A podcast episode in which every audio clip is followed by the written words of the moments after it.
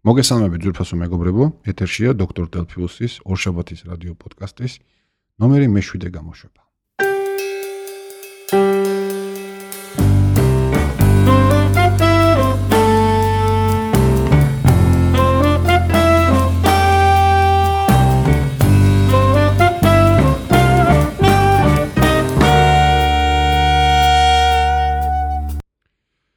ესე იგი, კიდე ერთი გადაცემა ჩავაგდე. აა თუ გახსოვთ, 2-3 კვირის წინაც ანალოგიურად მოხდა. აა სიმართლე გითხრათ, არ მახსოვს მაშინ რის გამო, აა, როგორ არა, მაშინ ოფისში შეიცვალა წასვლა მოსვლის პირობები, შესაბამისად მე დილას არ ქონდა ხოლმე საშუალება რომ მოვსულიყავი. აა ეხლა გაცილებით უფრო სერიოზული და რთული მიზეზი იყო. ვინაიდან მე დამითხოვეს აღნიშნული სამსახურიდან. აა ამის შესახებ ინფორმაცია მომაწოდეს 17 ოქტომბერს. აა და კანონით განსაზღვრული პერიოდის შემდეგ მე ამ ორგანიზაციაში აღარ ვიმუშავებ. აა თუ როგორ და რატომ და არის რა მიზეზებით ასე ვთქვათ აა მე ახლა არ ვისაუბრებ ამაზე, ვინაიდან მომიწევს მაშინ რაღაც გარკვეული შიდა ინფორმაციების გათქმა. ისე არანაირი სურვილიც არ მაქვს. ამიტომაც უბრალოდ გეტყვით, რომ 1 ნოემბრიდან მე აღარ ვიმუშავებ კომპანია Go Electronics-ში. და ან ვიპოვნი რაიმე ახალ სამსახურს იმავე წუთში, ასე ვთქვათ, ან რაღაც გარკვეული პერიოდის განმავლობაში ვიქნები უმუშევარი და ვიждები სახლში. აა სიმართლე გითხრათ, ტრაგედიას ამაში ვერ ხედავ, იმიტომ რომ ცოტაოდენი დასვენება ნამდვილად საჭირო იყო. აა იმ გიჟური ტემპისგან, რომელიც შიც მე ვცხოვრობდი ბოლო 1 წლის განმავლობაში, ანუ წლევანდელი წელი მართლა ძალიან მძიმე და რთული აღმოჩნდა ჩემთვის, ჩემი ოჯახისთვის, ჩემი ოჯახური ცხოვრებისთვის და ასევე სამსახურეობრივი ცხოვრებისთვისაც. ერთი ორი კვირით თუ დავისვენებ, ეს ნამდვილად კარგი იქნება. ну, რა თქმა უნდა, ამ ინფორმაციის მიღების შემდეგ მე დავიწყე იმავე დღეს არ მოგატყუებთ იმავე დღეს არა, იმიტომ რომ დღის ბოლო იყო უკვე. აა თავდებოდა სამუშაო დღე და ასე ვთქვათ, მაგ დროს გავიგე ეს ინფორმაცია. შესაბამისად ავდექი და მეგობრებთან ერთად წავედი ბანალურად, კარგად დავთვერით სახინკლეში და კაი გემრიელი ხინკალიც მივირთვით. მეორე დილიდან, რა თქმა უნდა, დავიწყე ახალი გზების ძებნა, ახალი სამსახურის ძებნა. გარკვეული სახის ძვრები ამ თვალსაზრისით არის და თუ როგორც კი რაღაცა ინფორმაცია იქნება, იმ წუთში მოგაწვით ამის შესახებ. რა თქმა უნდა, ყოველ მიზეს გარეშე. აა პრინციპში თუ ახლა საუბრის განმავლობაში რაიმე კიდე გამახსენდება, აუცილებლად ამას გეტყვით. მანამდე გადავიდეთ იმ განსაკუთრებულ მოვლენაზე, რასაც ქვია გასულ სამშაბათს Apple-ის სპეციალური ღონისძიება. 22 ოქტომბერს Apple-მა ჩაატარა სპეციალური ღონისძიება, სადაც წარმოდგენილი იქნა სიმართლე გითხრათ ძალიან ძალიან ბევრი ახალი პროდუქტი და ძალიან ბევრი სასურველი და საინტერესო ინფორმაცია განახლებული პროდუქტების შესახებ. დავიწყოთ ყველაზე მთავარით, ჩემი აზრით, თუმცა მათ ეს დესერტისთვის შემოინახეს, მაგრამ მე თავიდანვე ვიტყვი. 22 ოქტომბერს გამოცხადდა ახალი iPad-ების გამოსვლა, დასახელდა ისინი, ნაჩვენები იქნა როგორც დიდი ზომის, ასევე iPad mini-ც. ორივე განახლდა. დიდ iPad-ს, რომელსაც მეორე ვერსიის შემდეგ რაღაც ძალიან უცნაურ სახელებს უგონებდნენ, ასე ვთქვათ, მესამე თაობა, პირველ თაობას ერქვა iPad 1, მეორეს ერქვა iPad 2, ბანალურად ჟღერს. მესამე თაობას ერქვა the new iPad, მეოთხე თაობას ერქვა iPad with retina display და მეხუთე თაობას ახლა დაარქვეს iPad Air. ისე როგორც მე ვარაუდობდი და როგორც ძალიან ბევრი ექსპერტი ინტერნეტში, iPad Air-ის корпуსის ფორმა მთლიანად ემთხვევა მინის iPad minis корпуსის ფორმას. რამაც მე ძალიან გამახარა სიმართლე გითხრათ, იმიტომ რომ მართლაც ჯერ ეს ერთი უკვე სამითაობა iPad-ებისა ერთი და იგივე корпуსი ცოტა უკვე მომაბეზრებელი იყო და არც თუ ისე საინტერესო სანახავი. ამიტომაც ეს ახალი корпуსი, რომელიც მით უმეტეს მე უფრო მეტად მომწონს ვიდრე ძველი, ძალიან მისასალმებელი იყო. მეორე ის რომ ახალ iPad ახალი iPad-ი ეს iPad Air-ი 9.7 დიუმიანი ეკრანით თვითონ ფიზიკურად ზომებში შემცირდა.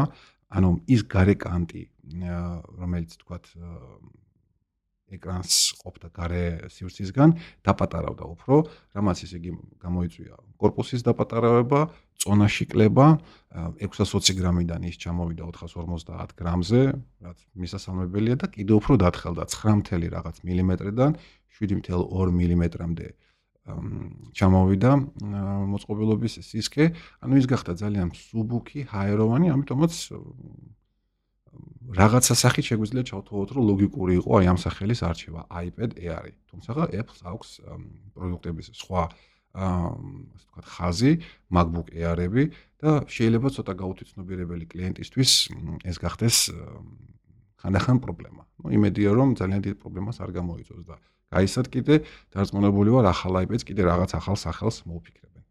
რაც შეეხება ეკრანის გარჩევადობას, ხარისხს და ასე შემდეგ, ესენი არაფერი არ შეცვლილა, ისევ ისეთივე Retina ეკრანით არის MacBook, აი მე შემეშალა ხა iPad Air-ი და ავტონომიური მუშაობის დროც იგივე დარჩა 10 საათი, როგორც ეს იყო სუსუ პირველი მოდელიდან. მაგრამ რაც ყველაზე მნიშვნელოვანია, ახალ iPad-ში, iPad Air-ში გამოყენებულია იგივე პროცესორი, რაც Apple-მა გამოიყენა iPhone 5s-ის წარმოებისას იმ ახალი მობილური ტელეფონისას, რომელიც ერთი თვის წინათ იქნა დაანონსებული.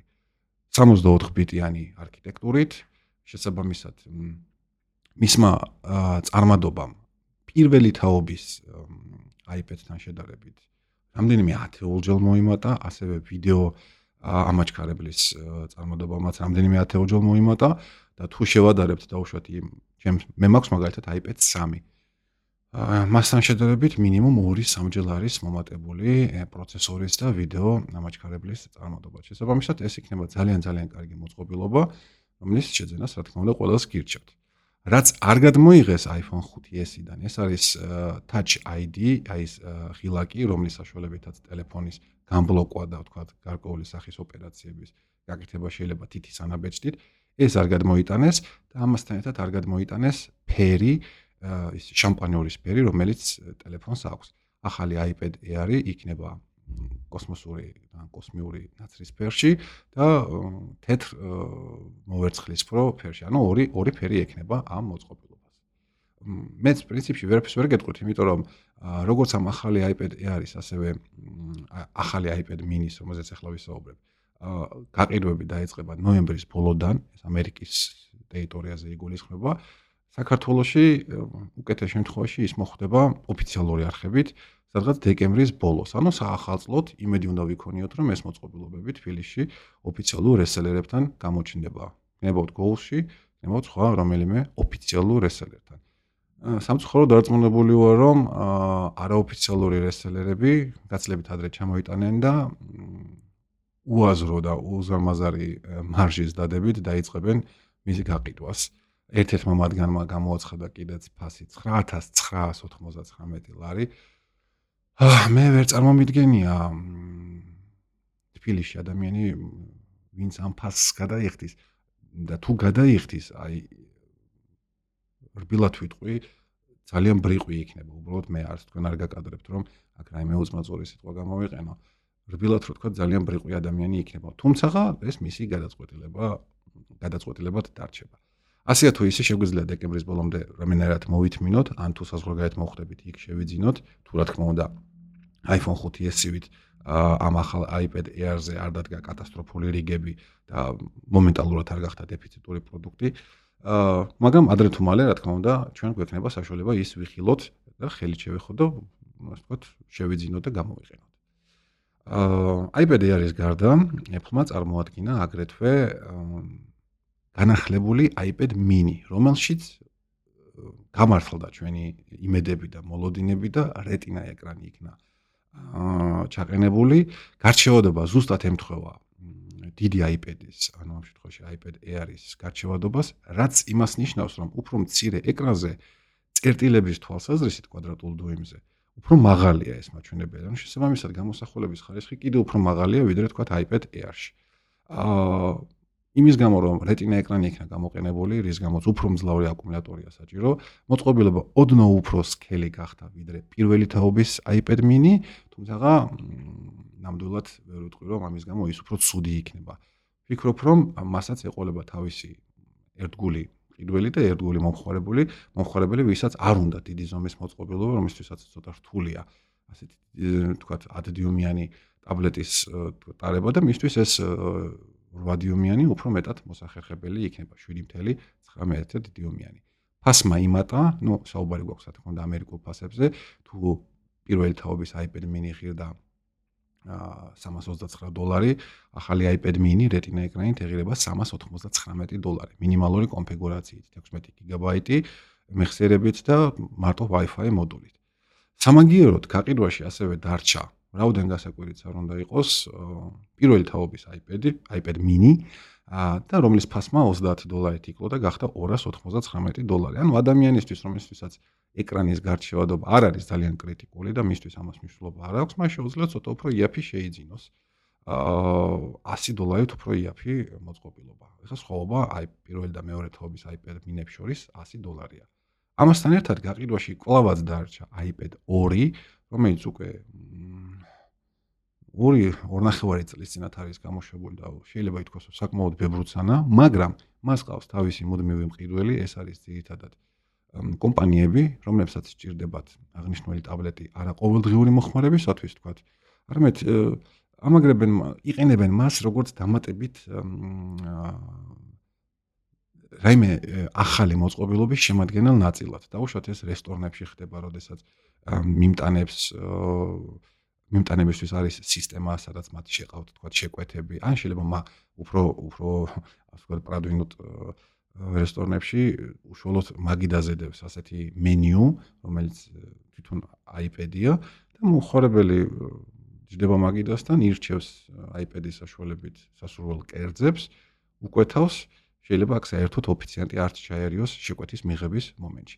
აი ასეთი საჭიროებისათვის iPad 2 მართლაც ძალიან კარგია. აა, როდესაც კრიტიკული არ არის, თქვათ, მისი ეკრანის მახასიათებლები, სამაგერო თქვათ, შეიძლება კრიტიკული აღმოჩნდეს, თუნდაც ის 100 დოლარი, რომელთაც ის უფრო იაფია, ვიდრე აა, უფრო უფროსი თაობის მისი ძმა, თქვათ, ამ შემთხვევაში iPad Air. ანუ 4 მოდელი გამოვიდა. ამის გარდა 22 ოქტომბერს Apple-მა წარმოადგინა განახლებული MacBook Pro-ები, რითაც ასევე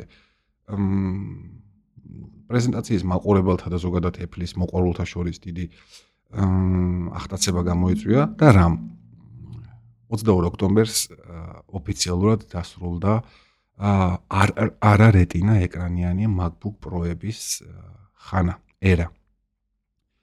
თუმცა შეიძლება დაზუსტებისთვის უნდა ვთქვა, რომ 15 დიუმიანებისა. ანუ 22 ოქტომბრიდან მოყოლებული Apple აღარ უშვებს 15 დიუმის ეკრანის მქონე MacBook Pro-ს აა ჩოლებრივი ეკრანი, სტანდარტული გარჩევადობის ეკრანით. აა ესე ვთქვათ მოწყობილობათა ჩამონათვალში ეხლა გვაქვს ერთი ცალი 13 დიუმიანი არარეტინა MacBook-ი, MacBook Pro, 4 Retina ეკრანიანი 13 დიუმიანი MacBook Pro და 2 15 დიუმიანი Retina ეკრანიანი MacBook Pro. აა 15 დიუმიანის მინიმალური კონფიგურაციის ფასი იგივეა, რაც არა Retina 15 დიუმიანისა, ანუ 1999 დოლარი. თუმცა უნდა ითქვას, რომ ესეთი ფასის კლება მიღწეულ იქნა აა ვიდეო ბარათის ამოღებით და მხოლოდ Intel-ის Iris Pro ვიდეო ბარათი აქვს, რომელიც თქო ოპერატორული მეხსიერებიდან იღებს აა საჭირო მეხსიერებას და ამის გარდა მასში მინიმალურად აყენია 250 გიგაბაიტი SSD flash მეხსიერება.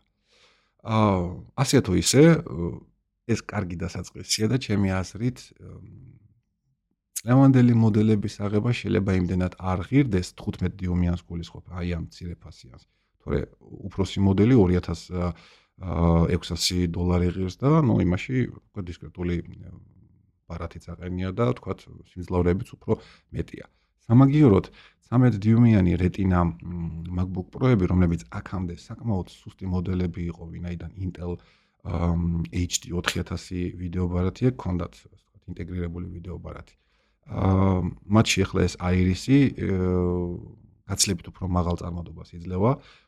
რა თქმა უნდა, თქვენ ამ კომპიუტერს ვერ გამოიყენებთ იმისთვის, რომ რაღაც სერიოზული გამოთვლები აკეთოთ ზეთ, ანუ რაღაც ვიდეოს რენდერინგები და ასე შემდეგ და ასე შემდეგ, მაგრამ ყოველდღიური მოხმარებისთვის ეს არაჩვეულებრივი მოწყობილობაა, რომელიც თქვენ ძალიან კარგ სამსახურს გაგიწევთ. აა ფასები ნორმალურია ძალიან, როგორც 13 დიუმიან, ასევე 15 დიუმიან MacBook Pro-ებზე. მე ვფიქრობ, რომ გაისათ 13 დიუმიანი არარეტინა მოდელიც გაქრება წარმოებიდან. არ გამოვიცხორო ეს გაცლებით უფრო ადრეც მოხდეს, სანამ არ მოიწურება, ასე ვთქვათ, საწყობო მარაგები, რომლებიც დარჩენილია წინა წლიდან. წინა პარტიების გამოშვებიდან და ამით ეს დამთავრდება და აი გაისათ ამ პერიოდისთვის სავარაუდოდ ისევ შემოდგომაზე მოხდება მოწყობილობების განახლება აა ჩვენ ვიხილავთ კიდევ უფრო მაღალი დონის MacBook Pro-ებს როგორც 13 ასევე 15 დიუმი ეკრანის გარჩევადობით ზომებით და ფასები რა თქმა უნდა იგივე დარჩება. ანუ ხარისხი სულ უფრო მეტად და მეტად მოიმატებს.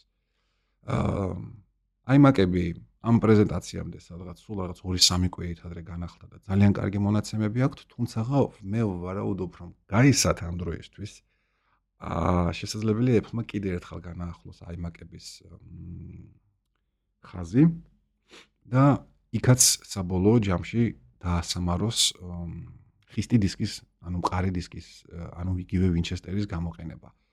ძალიან კარგია რომ Apple ერთ-ერთი პირველი იმ კომპანიათაგანია რომელიც უარს იძახის ყარი დისკების გამოყენებაზე რომლებიც დღესდღეობით ნებისმიერ გამოთვლით სისტემაში ნებისმიერ კომპიუტერში ყველაზე სუსტი რგოლია ყველაზე ზანტი ყველაზე ნელი შემადგენელია და ის გადადის თანამედროვე ტექნოლოგიებზე. ისევე როგორც თავის დროზე 2000-იან წლების დასაწყისში როდესაც ეხლა გამოუშვა თავისი პირველი აიმაკები, ფერადი კინოსკოპიანი აიმაკები, მან ესეთი ყარი გადაწყვეტილება მიიღო და შიგნით არ ჩააყენა სამნახევარ დიუმიანი ფლოპი დისკეტები, დისკეტების სამკითხველები. თუმცა, მაშინ ეს იყო ერთ-ერთი ყველაზე გავრცელებული ფორმატი მთელ სოფლიოში, მთელ PC სამყაროში და მინდა გითხრათ, რომ მე აქტიურად სარგებლობდი PC კომპიუტერებზე ფლოპი დისკეტებით 2007 წლის ბოლომდეც კი. შემდეგ უკვე გადავედი მაგზე და გასაგები მიზეზების გამო მისი გამოყენება ვეღარც და აღარც დამჭირდა. აა და ანუ როგორც იმ პირველი თაობის iMac-ებში მოხდა ესე ფლოპი დისკეტების უარყოფა, მე ვფიქრობ, რომ Apple სულ-სულ მალე თელიანად ამოიღებს თელი თავისი კომპიუტერების ხაზებიდან აა ხის დისკებს. ამ ეტაპზე დარჩენილია მხოლოდ iMac-ი, რომელშიც ნაგულისხმებად მოყვება 1 ტერაბაიტიანი ხისტი დისკი. MacBook Air-ში არ არის ხისტი დისკი და ფლეშ მეხსიერება. MacBook Pro-ებში პრაქტიკულად ყველა მოდელში მხოლოდ ფლეშ მეხსიერებაა და ერთადერთი მოდელი დარჩა 13 დიუმიანი, რომელშიც არის ხისტი დისკი. აა და Mac Pro-ები, რომლებზეც ახლა ვისაუბრებ, მათშიც ასევე არ არის ხისტი დისკი. აა მივესალმები მხოლოდ და მხოლოდ მივესალმები ასეთ გადაწყვეტილებას. ახლა რაც შეეხება Mac Pro-ს. რამდენიმე თვის წინათ, კონკრეტულად საფხულში WWDC 2013-ზე ეს არის დეველოპერების ყოველწლიური კონფერენცია, რომელსაც Apple ატარებს. აა კომპანიის ხელმძღვანელებმა წარმოადგინეს განახლებული Mac Pro ეს არის პროფესიული კლასის დესკტოპ კომპიუტერი, რომელსაც Apple აწარმოებს. და აი ამ ახალმა მოდელმა მართლაც ფურორი მოახდინა მაშინ მაყურებლებს შორის, ვინაიდან აბსოლუტურად განსხვავებული დიზაინი გააჩნია მის корпус, აბსოლუტურად განსხვავებულად არის შიგნით ჩამონტაჟებული შემადგენელი კომპონენტები. მას აქვს ესეთი ცილინდრის ფორმა, მცირე ზომის, ის რამდენჯერმე უფრო პატარაა ვიდრე გასული თაობის Mac Pro-ები, მაგრამ 22 ოქტომბრამდე ჩვენ არ ვიცოდით აი ამ მოწყობილობის არც ფასი და არც დეტალური ტექნიკური მაჩვენებლები. აა ვიცოდით რომ უბრალოდ დეკემბერში დაიწყებოდა მისი გაყიდვა. მართლაც 22 ოქტომბერს ძალიან დეტალურად ისაუბრეს აი ამ მოწყობილობაზე და მინიმალური კონფიგურაციის ფასი შეადგენს 2999 დოლარს. ნუ 3000 დოლარს. ამაში არ შედის არაფერი, მხოლოდ მო თვითონ Mac Pro და ერთი დენის კაბელი მოყვება. ანუ არც კლავიატურა, არც მაუსი, არც მონიტორი. ეს უკვე თქვენი სურვილის მიხედვით რაც გნებავთ, იმას მიუერთებთ. ეხლა რას მიუერთებთ? ჯერ-ერთი დავიწყოთ იმით, რომ ის აღჭურვილია Intel-ის Xeon E5 პროცესორებით. არის 4, 6, 8 და 12 ბირთვიანი მოდელები, ანუ შეგვიძლია ავირჩიოთ. ასევე მასში არის გამოყენებული AMD-ს პროფესიული კლასის ორი ვიდეო ბარათი. ყველაზე მინიმალური კონფიგურაციაშიც კი არის ორი ვიდეო ბარათი და ამის გარდა მუდმივი მეხსიერების სახით წარმოქმნილია Flash PCI Express სალტეზე მომუშავე მეხსიერება, ასევე მინიმალურად 250 გიგაბაიტის ოდენობით. აა აღჭურვილია ახალი Mac Pro Thunderbolt 2 ინტერფეისით, რომელიც გაორმაგებული სიჩქარით მუშაობს პირველი თაობის Thunderbolt-თან შედარებით 20 გიგაბიტი წამში, ფანტასტიკური სიჩქარეა და აი ამ კომპიუტერს შეუძლია 4K მონიტორებთან სრულიად თავისუფლად მუშაობა 4K. შეგახსენებთ, რომ ეს არის შედარებით ახალი ტექნოლოგია, ის Full HD ეკრანებზე გაცილებით უფრო მაღალ გარჩევადობას იძლევა. თბილისში მაგალითად რამდენიმე მაღაზიაში ასეთი ტიპის ტელევიზორის ფასი რამდენიმე 10000 ლარია, მგონი 50-დან 70000 ლარამდეა. მონიტორებიც საკმაოდ ძვირი ღირს, სადღაც 4000 მაგალითად Acer-ის ერთ-ერთი მოდელი 4000 დოლარამდე ღირს დაახლოებით. ანუ საკმაოდ ძვირი სიამონებაა ჯერჯერობით. თუმცა ხარ სრულიად თავისუფლად შეიძლება ჩვეულებრივი ტიპის მონიტორის მიერთება, რომელსაც აქვს ან Thunderbolt ინტერფეისი, ან თქვათ რაიმე გადამყვანის საშუალებით შეიძლება მისი DVI ან სხვა რაიმე ინტერფეისის Thunderbolt-ზე მიერთება. აა თვითონ ეს მოწყობილობა რიგითი მომხმარებლისთვის არანაირ საჭიროებას არ წარმოადგენს. აა ვინაიდან იმდენად მძლავრია პიკური, ასე ვთქვათ, მისი სიმძლავრე, თუ ვთქვათ, მაქსიმალურ კონფიგურაციას ავიღებთ, არის სადღაც 7 ტერაფლოპსი. ჩვეულებრივ სტანდარტულ კონფიგურაციაში სადღაც 3.5 ტერაფლოპსის ოდენობითა და ეხლა უბრალოდ ასეთი კომპიუტერის შეძენა, ჩათვალეთ რომ ესე იგი 3000 დოლარი ამ კომპიუტერში მინიმუმ, რა თქმა უნდა, 3000 დოლარი. კიდევ თქვათ მონიტორი კლავიატურა რაღაც რაღაცები, აი ყველაზე ცოტა 1000 დოლარი, ესე იგი 4000 დოლარის გადახდა და მასზე თქვათ Word-ის და Excel-ის გაშვება, ეს იქნება სრული სისულელე და სიმძლავრების არაეფექტურად გამოყენება. თუმცაღა თუ თქვენ ძალიან ბევრი ფული გაქვთ, არავინ არ გეშლით, რომ შეეძინოთ მართლა ძალიან ლამაზი корпуსის მქონე კომპიუტერი და მისი სიმძლავრის 1%-ზე ამოშავოთ მას გახსნით, მასში გახსნით Word-ს, Excel-ს, ან შეხოთ Facebook-ზე და Skype-ში და ფილმებს უყურებთ. 1%-იც კი არ იქნება გამოყენებული მისი სიმძლავრისა, მე ესე მგონია. გაცლებით უკეთესი იქნება თუ შეიძენთ კარგი 27 დიუმიან iMac-ს ან 21 დიუმიანს. ან notebooks. მოკლედ, ეს კომპიუტერი არის პროფესიონალებისათვის, ვინც აქტიურად მუშაობს ვიდეოს მონტაჟში, სპეციფიქტებზე, სამგანზომილებიან სპეციფიქტებზე, ხმის პროფესიულ დამუშავებაში, როდესაც ათეულობით არხია არხით შემოდის სიგნალი კომპიუტერში და ვთქვათ მას სჭირდება მე ძალიან ესეთი მაღალი დონის ხარისხით დამუშავება. მოკლედ, მხოლოდ და მხოლოდ პროფესიონალებისათვის გამოდგება და მსხვილი კორპორაციებისთვის იქნება, ან ვთქვათ ძალიან დიდარი ფოტოგრაფებისთვის და ვთქვათ თალკე მომუშავე, ასე ვთქვათ, ფრილანსერ მემონტაჟეებისთვის და ვიდეოგრაფიკოსებისათვის. თუმცაღა კიდე ერთხელ ვეძახი რომ თვითონ გარეგნვა ძალიან ლამაზია სიმძლავრე აქვს არაჩვეულებრივი და იმაშიც დარწმუნებული ვარ სულ დარწმუნებული ვარ რომ სულ რამდენიმე თვეში თუ უფრო მალე არა კონკურენტები დაიწყებენ დაახლოებით ისეთივე ტიპის корпуსის გამოყენებას საკუთარი PC კომპიუტერებისათვის, რომელიც იქნება უფრო consumer კლასის.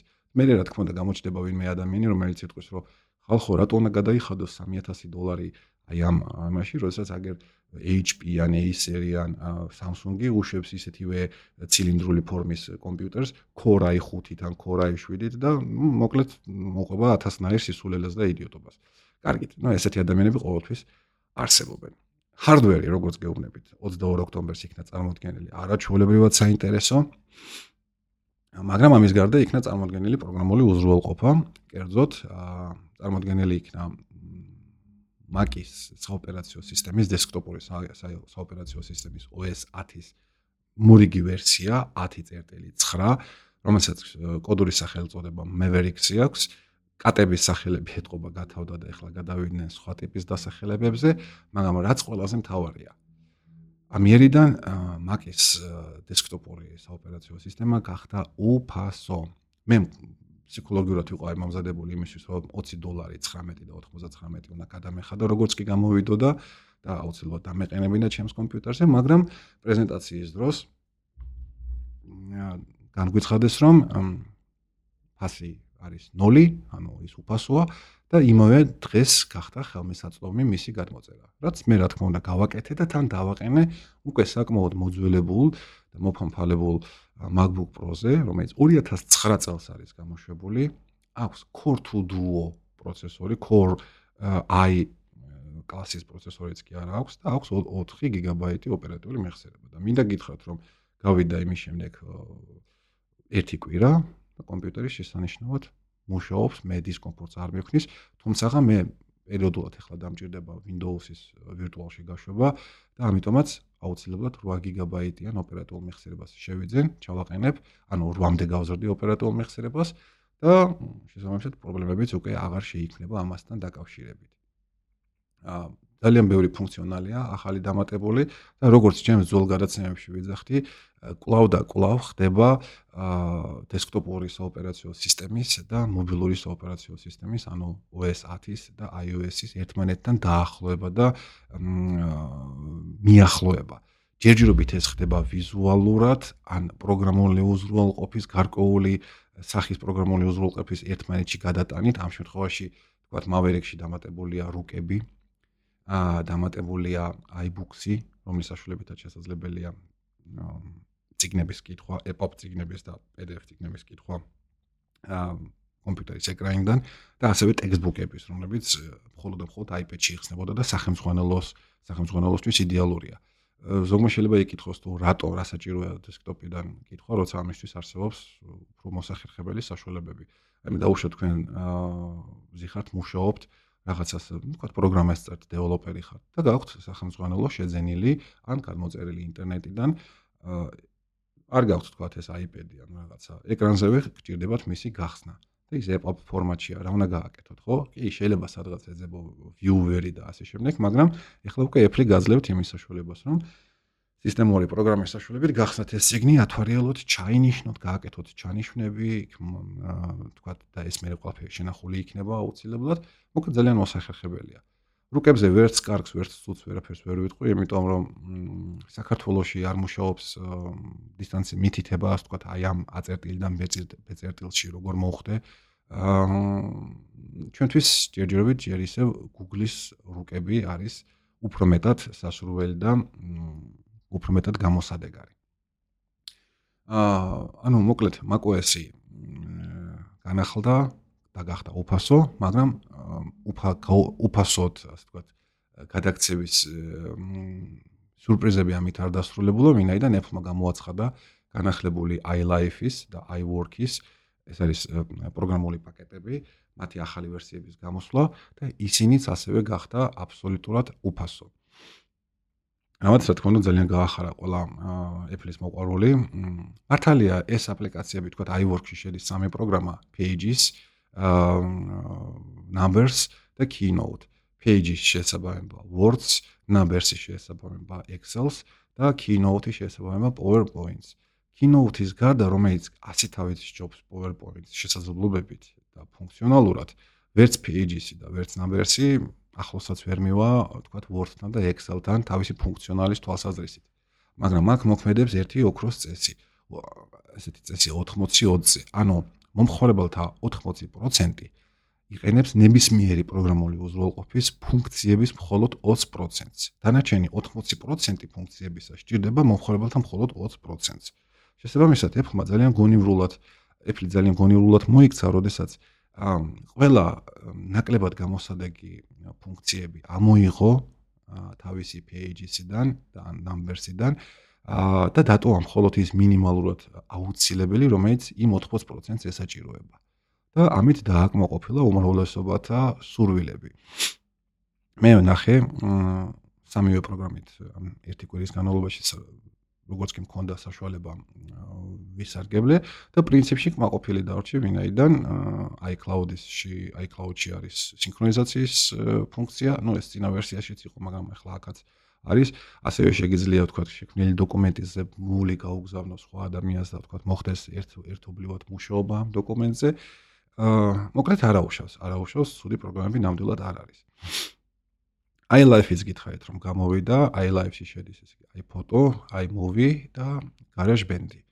GarageBand-ი ალბათ იცით რომ მე აქტიურად ვიყენებ ამ პროგრამას და დღეს აი ამ გადაცემას ვიწერ ზუსტად განახლებული ვერსიით და ნახოთ ის რამდენად ხარისხიანად დაამუშავებს ამ ყველაფერს, ნახოთ. რაც შეეხება iMovie-ს, მე ახლა ვიდეოსთან მუშაობას მის ეს თქვა რედაქტირებას ასე შემდეგ რაღაცებს ეხლა ვსწავლობ ნელ-ნელა რაღაც წრულ-წრულ საკითხებს, ამიტომაც ვერც კარგს ვეთყვი, ვერც ცუდს. თუმცა ერთ-ერთმა ჩემო მეგობარმა, რომელიც პროფესიონალი მემონტაჟია და რეჟისორია სატელევიზიო სფეროში, მან განაცხადა, რომ აი მოვისი კიდევ უფრო ცუდი გახდა, ვიდრე ის იყო. და ნუ Final Cut-ი ხა თქმა უნდა ისინი სხვადასხვა კატეგორიის პროგრამებია, მაგრამ ნუ ის კვლავ განაგზავს თქვა Final Cut-ით მუშაობას. პრინციპში ახლა მისთვის iMovie-ში თუნდაც ძველი ვერსია ასევე გამოუსადეგარი იქნებოდა თუ გავითვალისწინებთ იმ სირთულეებს, რომლები იმ რთული ოპერაციების ჩამონათვალს, რასაც ის ახორციელებს თქვა ყოველდღიური მუშაობისას. აი ფოტო შვენიერი მარტივი პროგრამაა იმისთვის, რომ თქვენი ფოტოების ბიბლიოთეკა გქონდეთ ერთ ფაილში მოქცეული, ლამაზად დახარისხებული ძებნის მარტივი მექანიზმებით და მე ძალიან ძალიან კმაყოფილი ვარ ზოგადად ფოტოსი, ვინაიდან ჩემთვის ის აბსოლუტურად საკმარისია ჩემი ძალიან ძალიან სამოყვარულო დონის ფოტოების შესანახად და ოდნავ დასამუშავებლად. აა მოკლედ გასული კვირის სამშაბათი 22 ოქტომბერი იყო ძალიან ძალიან ბევრი საინტერესო სიახლით სავსე. აა ეფმა წინათვის პრეზენტაციისგან შედარებით მართლა ძალიან საინტერესო პრეზენტაცია ჩაატარა. ამასთან ერთად პრეზენტაციის ვიდეო ტრანსლაცია ხდებოდა, რამაც ძალიან გაგვახარა და ჩვენც მე და დევიმ როგორც წინა პრეზენტაციის დროს ეხლაც გავაკეთეთ პირდაპირ ჩართვა YouTube-ზე, გაუშვით ასევე Apple-ის სიგნალი ოდნავ უფრო უკეთესი ხარისხის ხმა და გამოსახულება ჰქონდა ვიდრე პირველი გადაცემის დროს. მოყურებელიც ყავდა, აქტიურად მიმდინარეობდა დისკუსიები, კითხვები და ასე შემდეგ და ასე შემდეგ. ხალხმა მადლობაც გითხრა და ჩვენც ძალიან მოყოფილი დავარჩით, რომ ეს გავაკეთეთ. მოყოფილი ვერ დავრჩებოდით ვერანაირად ხარისხით, იმიტომ რომ ჩვენ კიდე უფრო მეტის მიღწევა გვინდა და უფრო მეტის გაკეთება გვინდა, მაგრამ თუნდაც ის რომ აი ესეთი ლაივები აა ცოცხალი ტრანსლაციები კეთდება, ეს რა თქმა უნდა ძალიან კარგია და ძალიან მნიშვნელოვანია ჩვენთვის.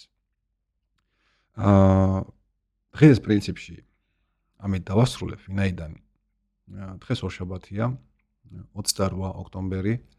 მე კვლავ განვაგზობ სამსახურის ძებნას. აა და შესაბამისად დაგემშვიდობებით მომავალ ორშაბათამდე. წარმატებულ კვირას გისურვებთ თქვენც და მეც ასევე წარმატებულ კვირას უსურვებ საკუთარ თავს. ახალი სამსახურის მოძიებასა და დაწყებაში. კარგად ზანდებოდეთ.